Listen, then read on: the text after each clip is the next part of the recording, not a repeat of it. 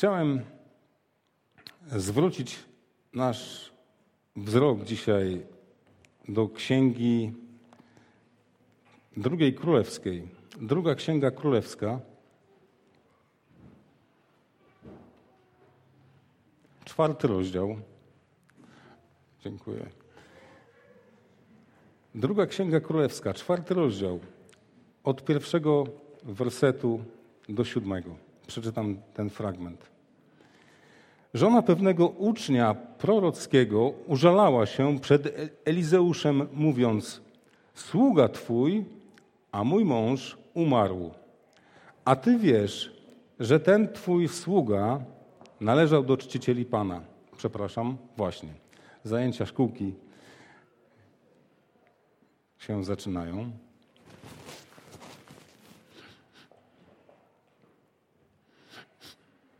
Sługa twój, a mój mąż umarł, a ty wiesz, że ten twój sługa należał do czcicieli Pana.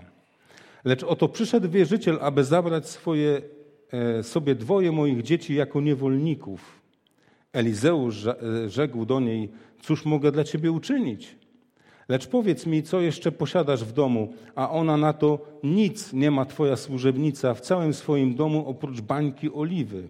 On rzekł, idź, napożyczaj sobie naczyń z zewnątrz od wszystkich swoich sąsiadów, naczyń pustych, byle nie za mało.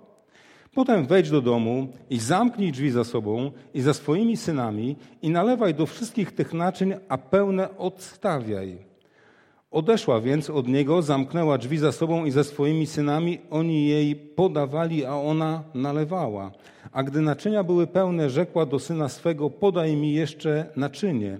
Lecz on jej odpowiedział: Nie ma już naczyń. I wtedy oliwa przestała się lać. Poszła więc i opowiedziała o tym mężowi Bożemu, a on rzekł: Idź, sprzedaj oliwę i spłać swój dług. Ty zaś wraz z synami swoimi utrzymujcie się z tego, co zostanie. Zwróćmy się do Boga jeszcze w modlitwie. Panie, dziękujemy Ci za Twoje słowo, za to, że ono nas poucza i teraz chcemy prosić Cię, aby właśnie to Twój Duch Święty uzdalniał nas do zrozumienia tej prawdy, którą nam chcesz przekazać przez Twoje słowo i Panie, aby mądrość płynąca e, z tego fragmentu nie była ludzką, ale Twoją, Bożą. Prowadź nas, błogosław każdego, kto słucha tych słów i chce zrozumieć i wypełnić je, Panie. Amen. Historia być może znana, ale pełna takich ciekawych szczegółów. E, Przedstawiona jest ta kobieta jaka, jako żona pewnego ucznia prorockiego. I powiedzielibyśmy, że no, być żoną ucznia to znaczy być w związku, w relacji z kimś, kto bardzo blisko był Boga. Ktoś, kto bardzo e, poważnie traktował wiarę, ktoś, kto bardzo poważnie traktował duchowe życie i w pewnym sensie może nam nie zgadzać się sytuacja materialna tej rodziny, jaka zastała właśnie po śmierci męża tej kobiety, tą jej rodzinę, czyli ją samą i dwóch synów. No, moglibyśmy ocenić tego człowieka jako może zbyt duchowego, mało się poświęcał jakiejś fizycznej pracy, może gdzieś bujał w obłokach. E, przecież w Starym Testamencie jest powiedziane, że ubóstwo nie jest czymś, co Bóg będzie, czym będzie Bóg nawiedzał swój lud. I to było e, powiedziane dosyć wyraźnie. Piąta Mojżeszowa, 15 rozdział, czwarty werset. Nie będzie ubogiego u ciebie, bo Pan błogosławić ci będzie. Więc ubóstwo było przejawem braku błogosławieństwa na podstawie Starego Testamentu. I można powiedzieć, no w jakim sensie ta pobożność się przekładała na życie tych ludzi. Pobożność tego człowieka, skoro był uczniem proroka, skoro był uczniem Elizeusza, a Elizeusz był uczniem Eliasza, jednego z największych proroków. To jak zrozumieć tą trudną materialną sytuację, tak trudną do tego stopnia, że wierzyciel zabrał wszystko, co było możliwe do zabrania, bo kobieta powiedziała na pytanie Elizeusza, co ci zostało w domu, powiada, pewnie jedyna rzecz, może która jakąś wartość przedstawiała, to jakaś bańka z oliwą. Czyli wszystko inne już zostało jej zabrane, albo była na tyle uboga, że nie miała przedmiotów przedstawiających żadnej wartości, oprócz synów, których wierzyciel chciał jej zabrać, bo przyszła i składała takie swoje y, no, żale, ale nie pretensje. Jest różnica między żalem a pretensją. E, kobieta, która przyszła do Elizeusza, mówi, ona jest nazwana żoną ucznia prorockiego, a zobaczmy, jak ona się przedstawia prorokowi, którym był, którym był Elizeusz. Sługa twój, a mój mąż. Umarł, a ty wiesz, że ten twój sługa należał do czcicieli Pana. Zobaczmy, jak ona się przedstawia. Jako żona sługi, sługi proroka, czyli męża Bożego. I ona potem mówi w kolejnym wersecie, w drugim, tam pod koniec, nic nie ma Twoja służebnica w całym swoim domu.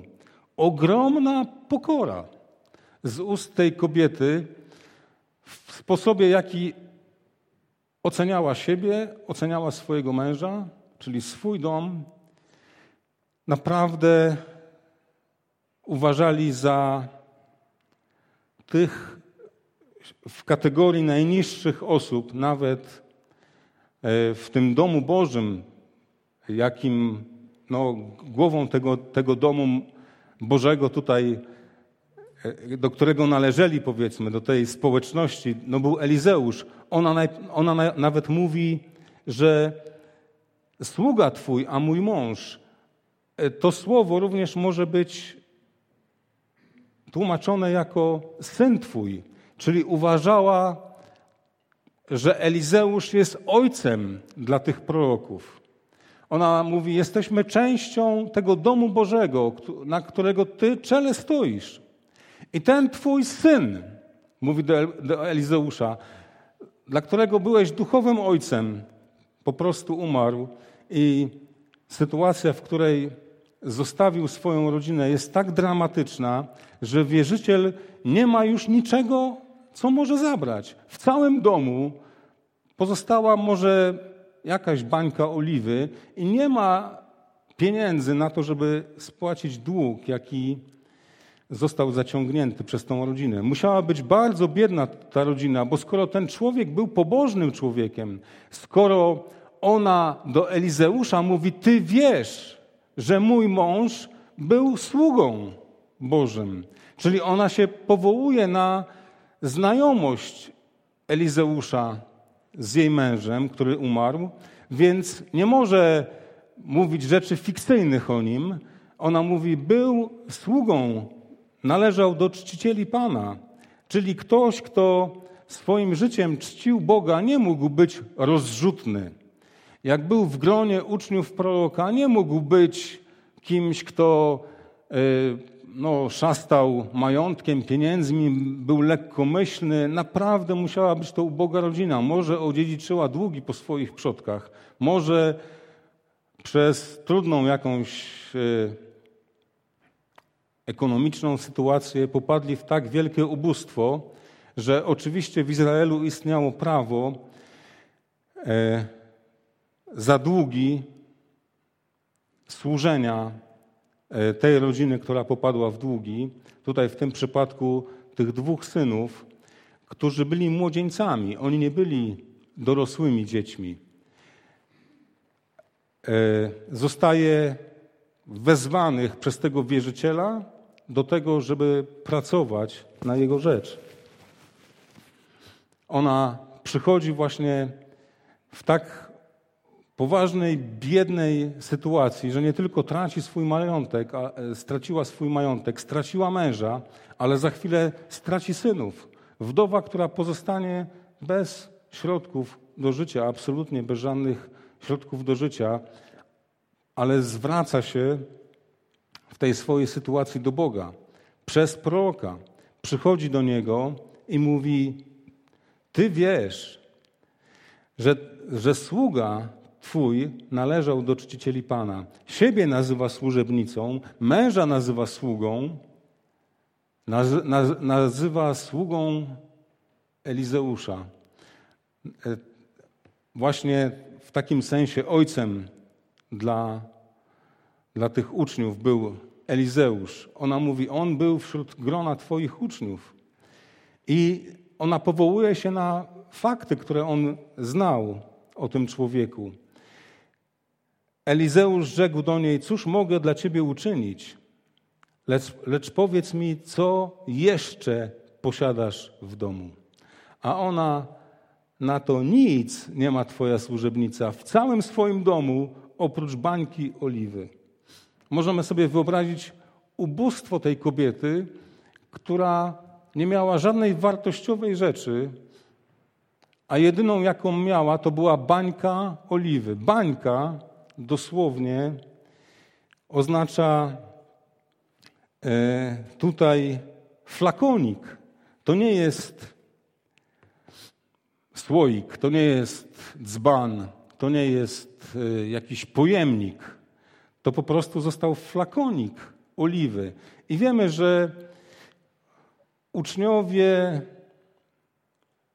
proroccy mogli posiadać taki flakonik do namaszczania. W Nowym Testamencie czytamy o tym, że namaszczano rany taką oliwą. E, w Starym Testamencie czytamy o tym, że kapłanów namaszczano oliwą, ale też królów podczas wyboru namaszczano oliwą. Był to taki symbol wybrania, pomazania przez proroka danego człowieka na jakąś funkcję, czy kapłańską, czy królewską. Więc flakonik, który posiadała, był taką ilością oliwy bardziej do celów może pielęgnacyjno-kultowych niż do spożywczych. To był flakonik.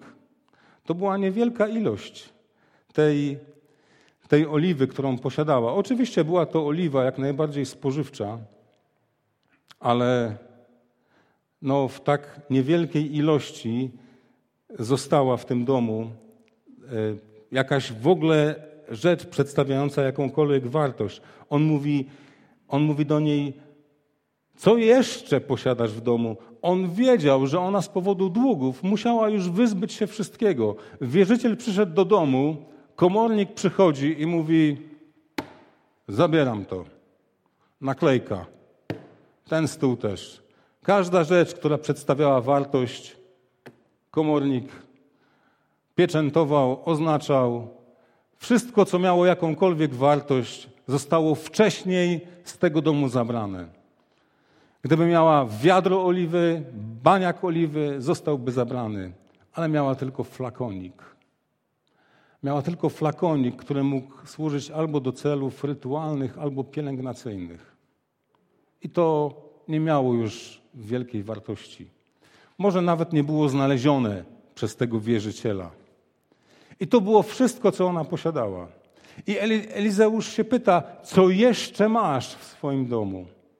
I ta odrobina tej oliwy, którą miała w jakiejś niewielkiej buteleczce, w jakimś flakoniku, on mówi, że stanie się źródłem do wyratowania jej z tej, z tej opresji. On mówi, nic nie ma Twoja służebnica. Zobaczmy jej postawę wobec Niego. On mów, ona mówi o swoim mężu, sługa Twój, a teraz mówi o sobie, służebnica Twoja. Z tak wielką pokorą, nie z pretensją, nie z jakimś domaganiem się od proroka czegokolwiek. Ona mówi, Twoja służebnica. jestem tylko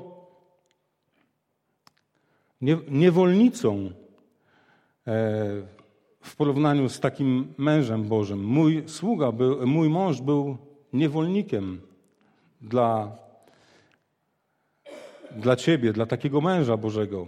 Tak wielka pokora przemawia prze, przez tą kobietę. Żadnej pretensji, żadnych zarzutów, żadnych roszczeń wobec jakiegoś należenia się czegokolwiek mężowi za służbę w tym domu Bożym u boku Elizeusza. Ona się powołuje tylko na to, że mówi: Ty wiesz, że Twój sługa należał do czcicieli Pana. Lecz oto przyszedł wierzyciel, aby zabrać sobie dwoje moich dzieci. Nie było już nic, co można by było zabrać. Nie miało żadnej wartości.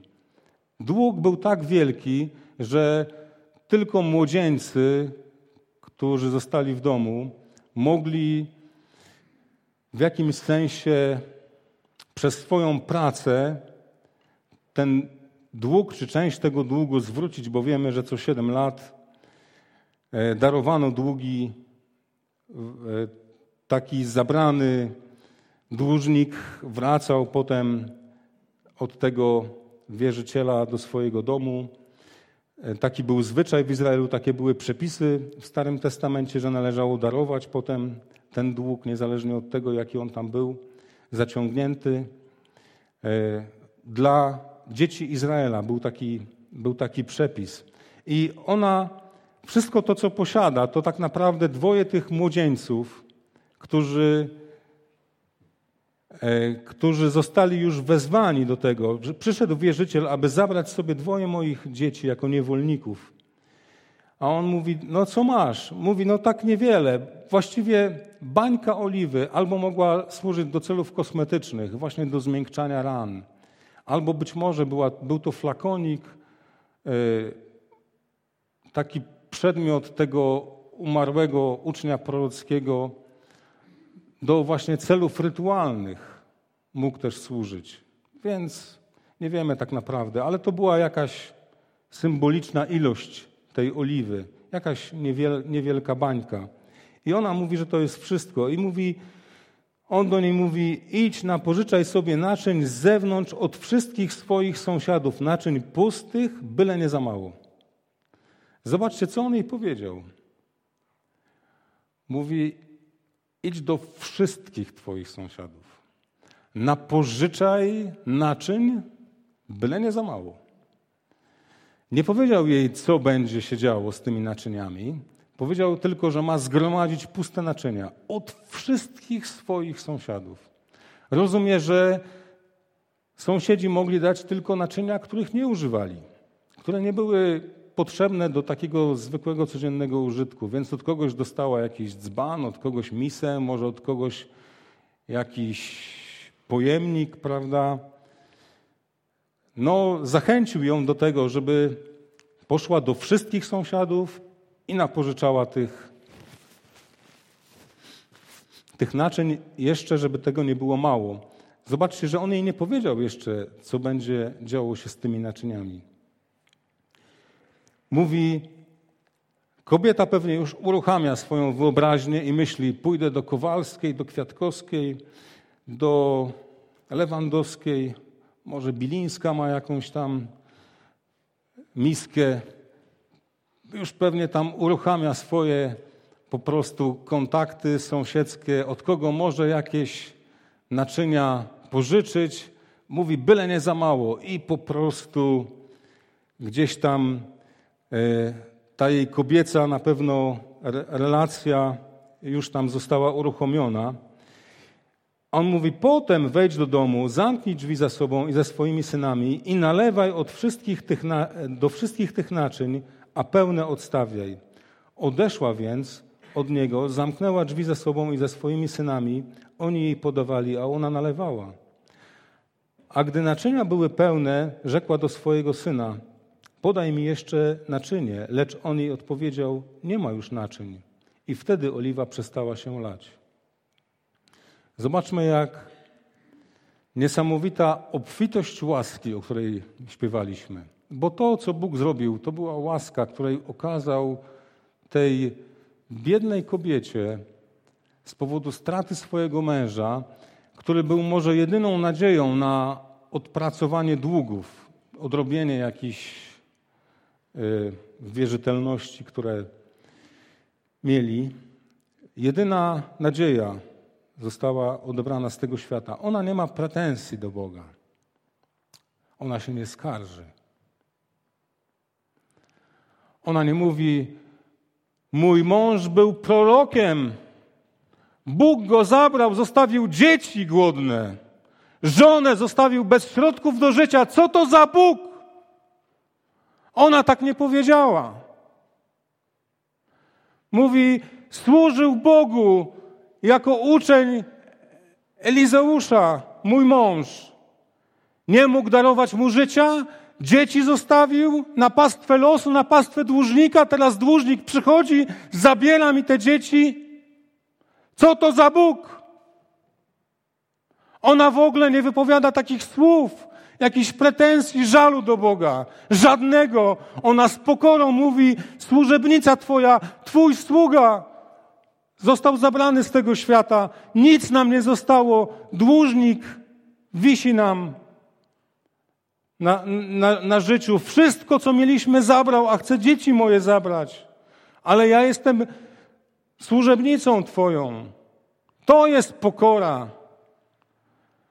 To jest pozbawienie siebie żądań, roszczeń.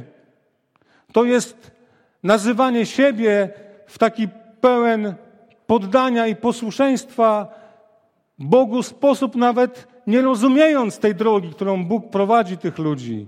Ona mówi: Służebnica Twoja, mój mąż był Twoim sługą. Tak się nazywa. Elizeusz nie był żadnym wielkomożnym człowiekiem. Był prorokiem, był następcą Eliasza. A ona mówi: Twoja służebnica, a mój mąż był Twoim sługą. Po ludzku w najniższej kategorii społeczeństwa postawili siebie. Żadnego domagania się, żadnego wytykania Bogu swoich zasług i powoływania się na swoje jakieś uczynki i osiągnięcia.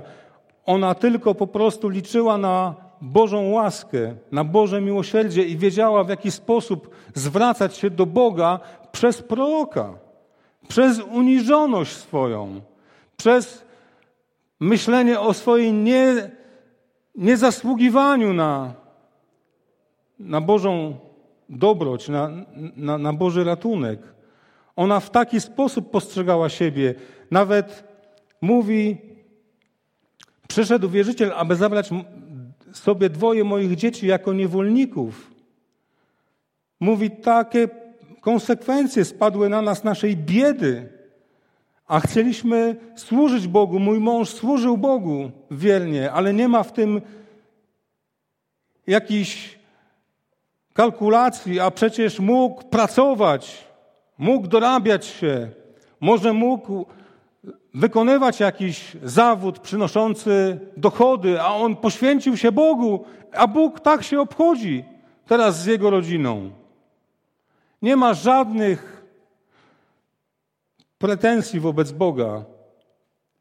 Widać to w jej postawie, w jej słowach, w jej takim naprawdę pełnym bojaźni, uniżeniu.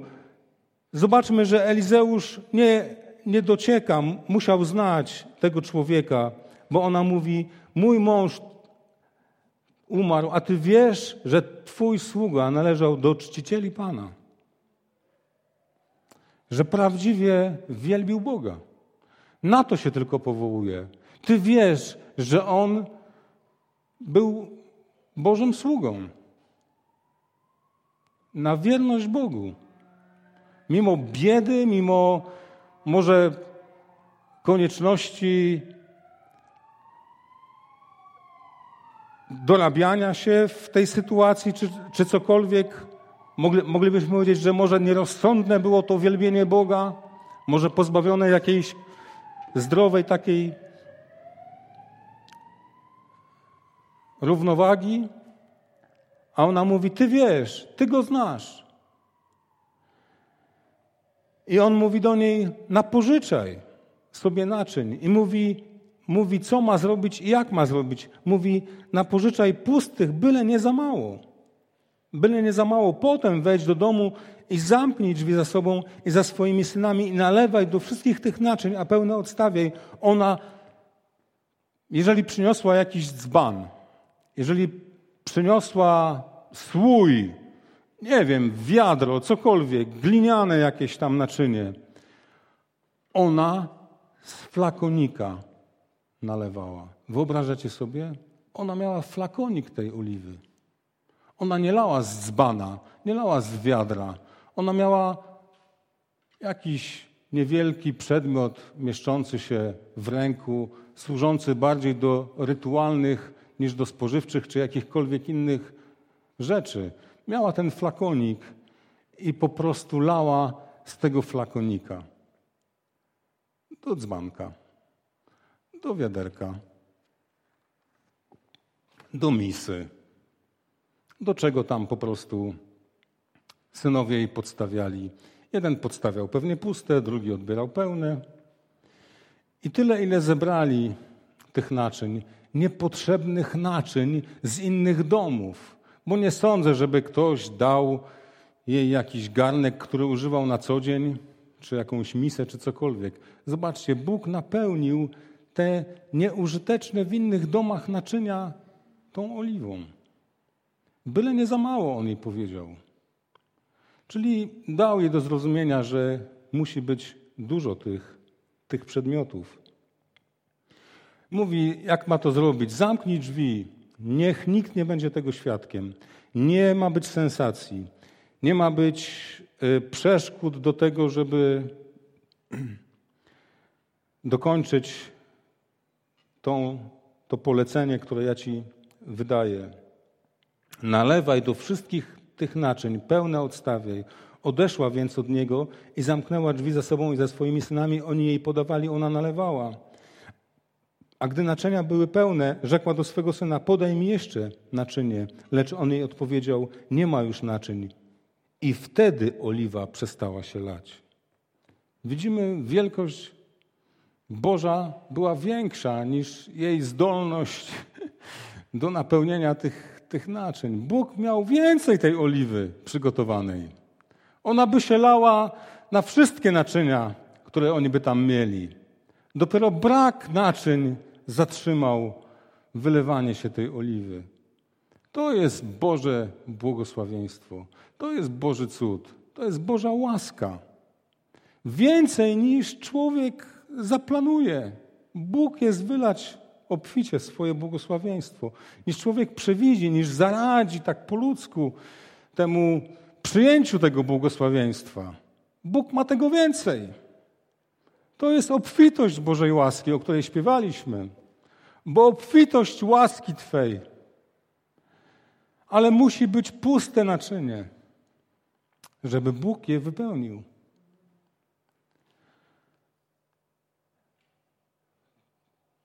Tak jak pusty był ten setnik z Kafarnaum. On mówi: Ja nie jestem godzien. Ja nie mam żadnych atutów i argumentów, żeby sprowadzić Jezusa do swojego domu. Posłużę się swoimi znajomymi z najwyższego szczebla tej społeczności żydowskiej. Wysyła starszych synagogi najbardziej poważanych obywateli miasta. On w taki sposób traktuje Jezusa z szacunkiem, z najwyższym szacunkiem. On nie posyła swojego dowódcy i mówi: wydaj rozkaz, albo weź rydwan, przyprowadźcie go tutaj, bo mam władzę, ja mam taką władzę. Setnik tego nie robi. Setnik wysyła szanowanych obywateli miasta z prośbą, z prośbą. Oni prosili go usilnie. Oni mówią, czego on dokonał dla tej społeczności lokalnej. Zbudował nam synagogę. Godzien jest, abyś wejrzał na jego potrzeby, na jego prośby. To jest uniżenie. To jest pokora.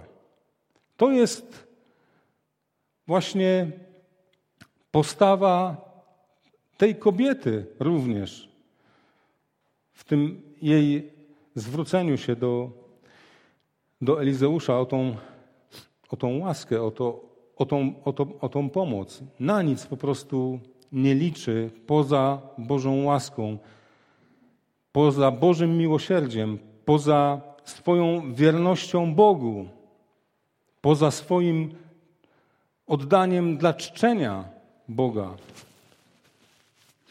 Żadnych zasług. I Bóg, widzimy, odpowiada swoim miłosierdziem.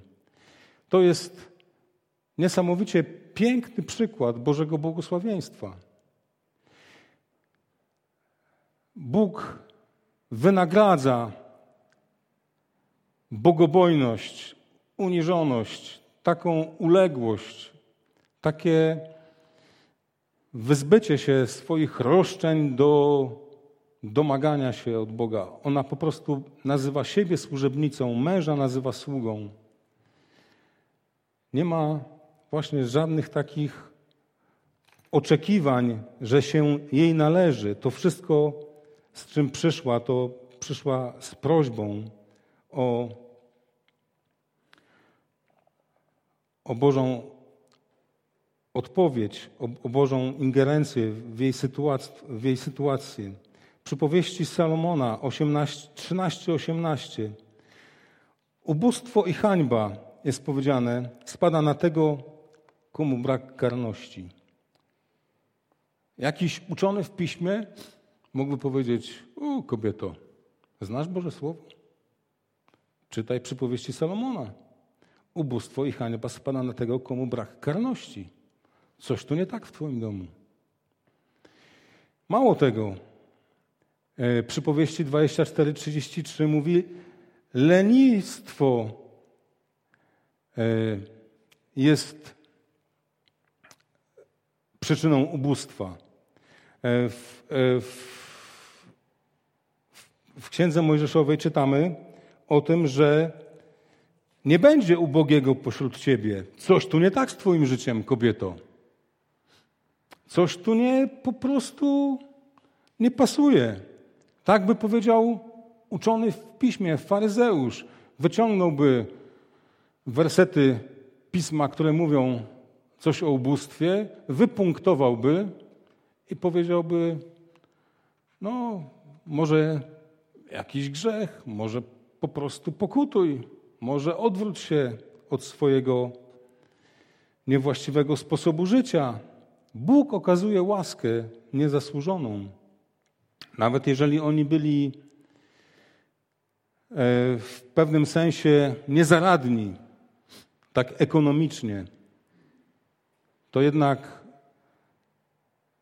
wierność Bogu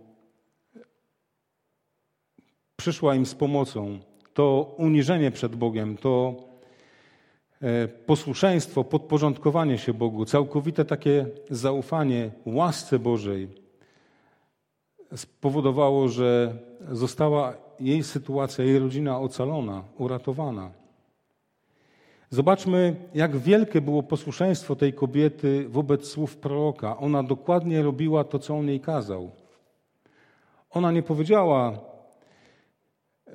on powiedział: Zobaczcie, idź na pożyczaj sobie naczyń z zewnątrz od wszystkich sąsiadów swoich. Naczyń pustych, byle nie za mało. Rozumie, że ona to przyjęła jako zadanie, żeby nie nazbierać ich tylko trochę. Nie nazbierać ich, no tak na moje oko, wystarczającą ilość. Od wszystkich sąsiadów. Rozumie, że szła do każdego i pytała, czy ma jakieś puste naczynie, na które, które może pożyczyć. I nawet nie za mało.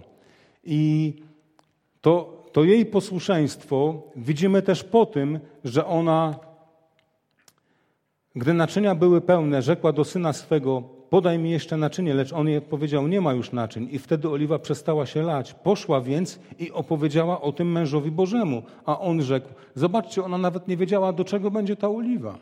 Może się domyślała, ale wykonała polecenie dokładnie tak, jak prorok to, to jej powiedział. On dopiero potem jej powiedział, idź, sprzedaj oliwę i spłać swój dług. Ty zaś wraz z synami swoimi utrzymujcie się z tego, co pozostanie. Więc Bóg zaspokoił nie tylko długi tej rodziny, ale też zaspokoił środki do życia na kolejne dni, miesiące, czy nawet więcej, tak żeby mogli być niezależni już finansowo i nie martwić się o to, że jakiś wierzyciel przyjdzie, zapuka, zabierze jej synów. Spłaciła ten dług. To jest Boże miłosierdzie. Nawet nie wiemy, czy ten ich stan był zawiniony przez nich, czy nie zawiniony. Czy Boża ingerencja była tutaj uzasadniona, bo karmili biednych, czy, czy cokolwiek tam z, zrobili z tym swoim majątkiem. Ale widać, że zaufanie i bogobojność tej rodziny nie tylko była w życiu tego proroka, ale w życiu jego żony, w życiu tego jej męża. To, co zrobiła ta kobieta, jest dla mnie taką niesamowitą lekcją pokory w sytuacji, kiedy być może z powodu swojej wierności Bogu, może no nie do końca w jakiś przemyślany sposób, ale popadli w długi do tego stopnia, że straciła wszystko ze swojego życia, a nawet mogła zatracić swoich synów.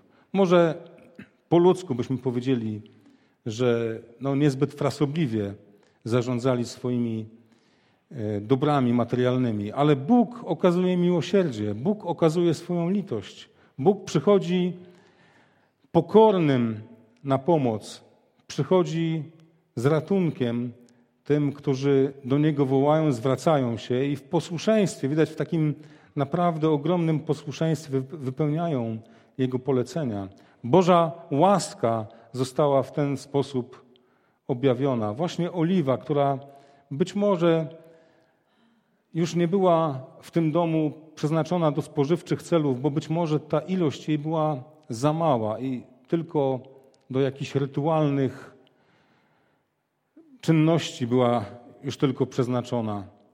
Ale widać, że z tego niewielkiego flakonika oliwy Bóg był w stanie zaspokoić wszelkie potrzeby finansowe tej, tej rodziny. To jest ogrom Bożej łaski, o której śpiewaliśmy. Łaska Twa to jest Boża dobroć. Bóg nie wytyka przyczyn tutaj popadnięcia w długi tej rodziny. Okazuje swoje właśnie może niezasłużone miłosierdzie, może niezasłużone ekonomicznie, jakoś niezasłużone w sensie zarządzania swoimi dobrami, czy, a może odziedziczyli długi, o tym nie wiemy, Bóg nam tego nie zdradza, ale widać, że ich miłość do Boga wyrażała się w tej ich postawie.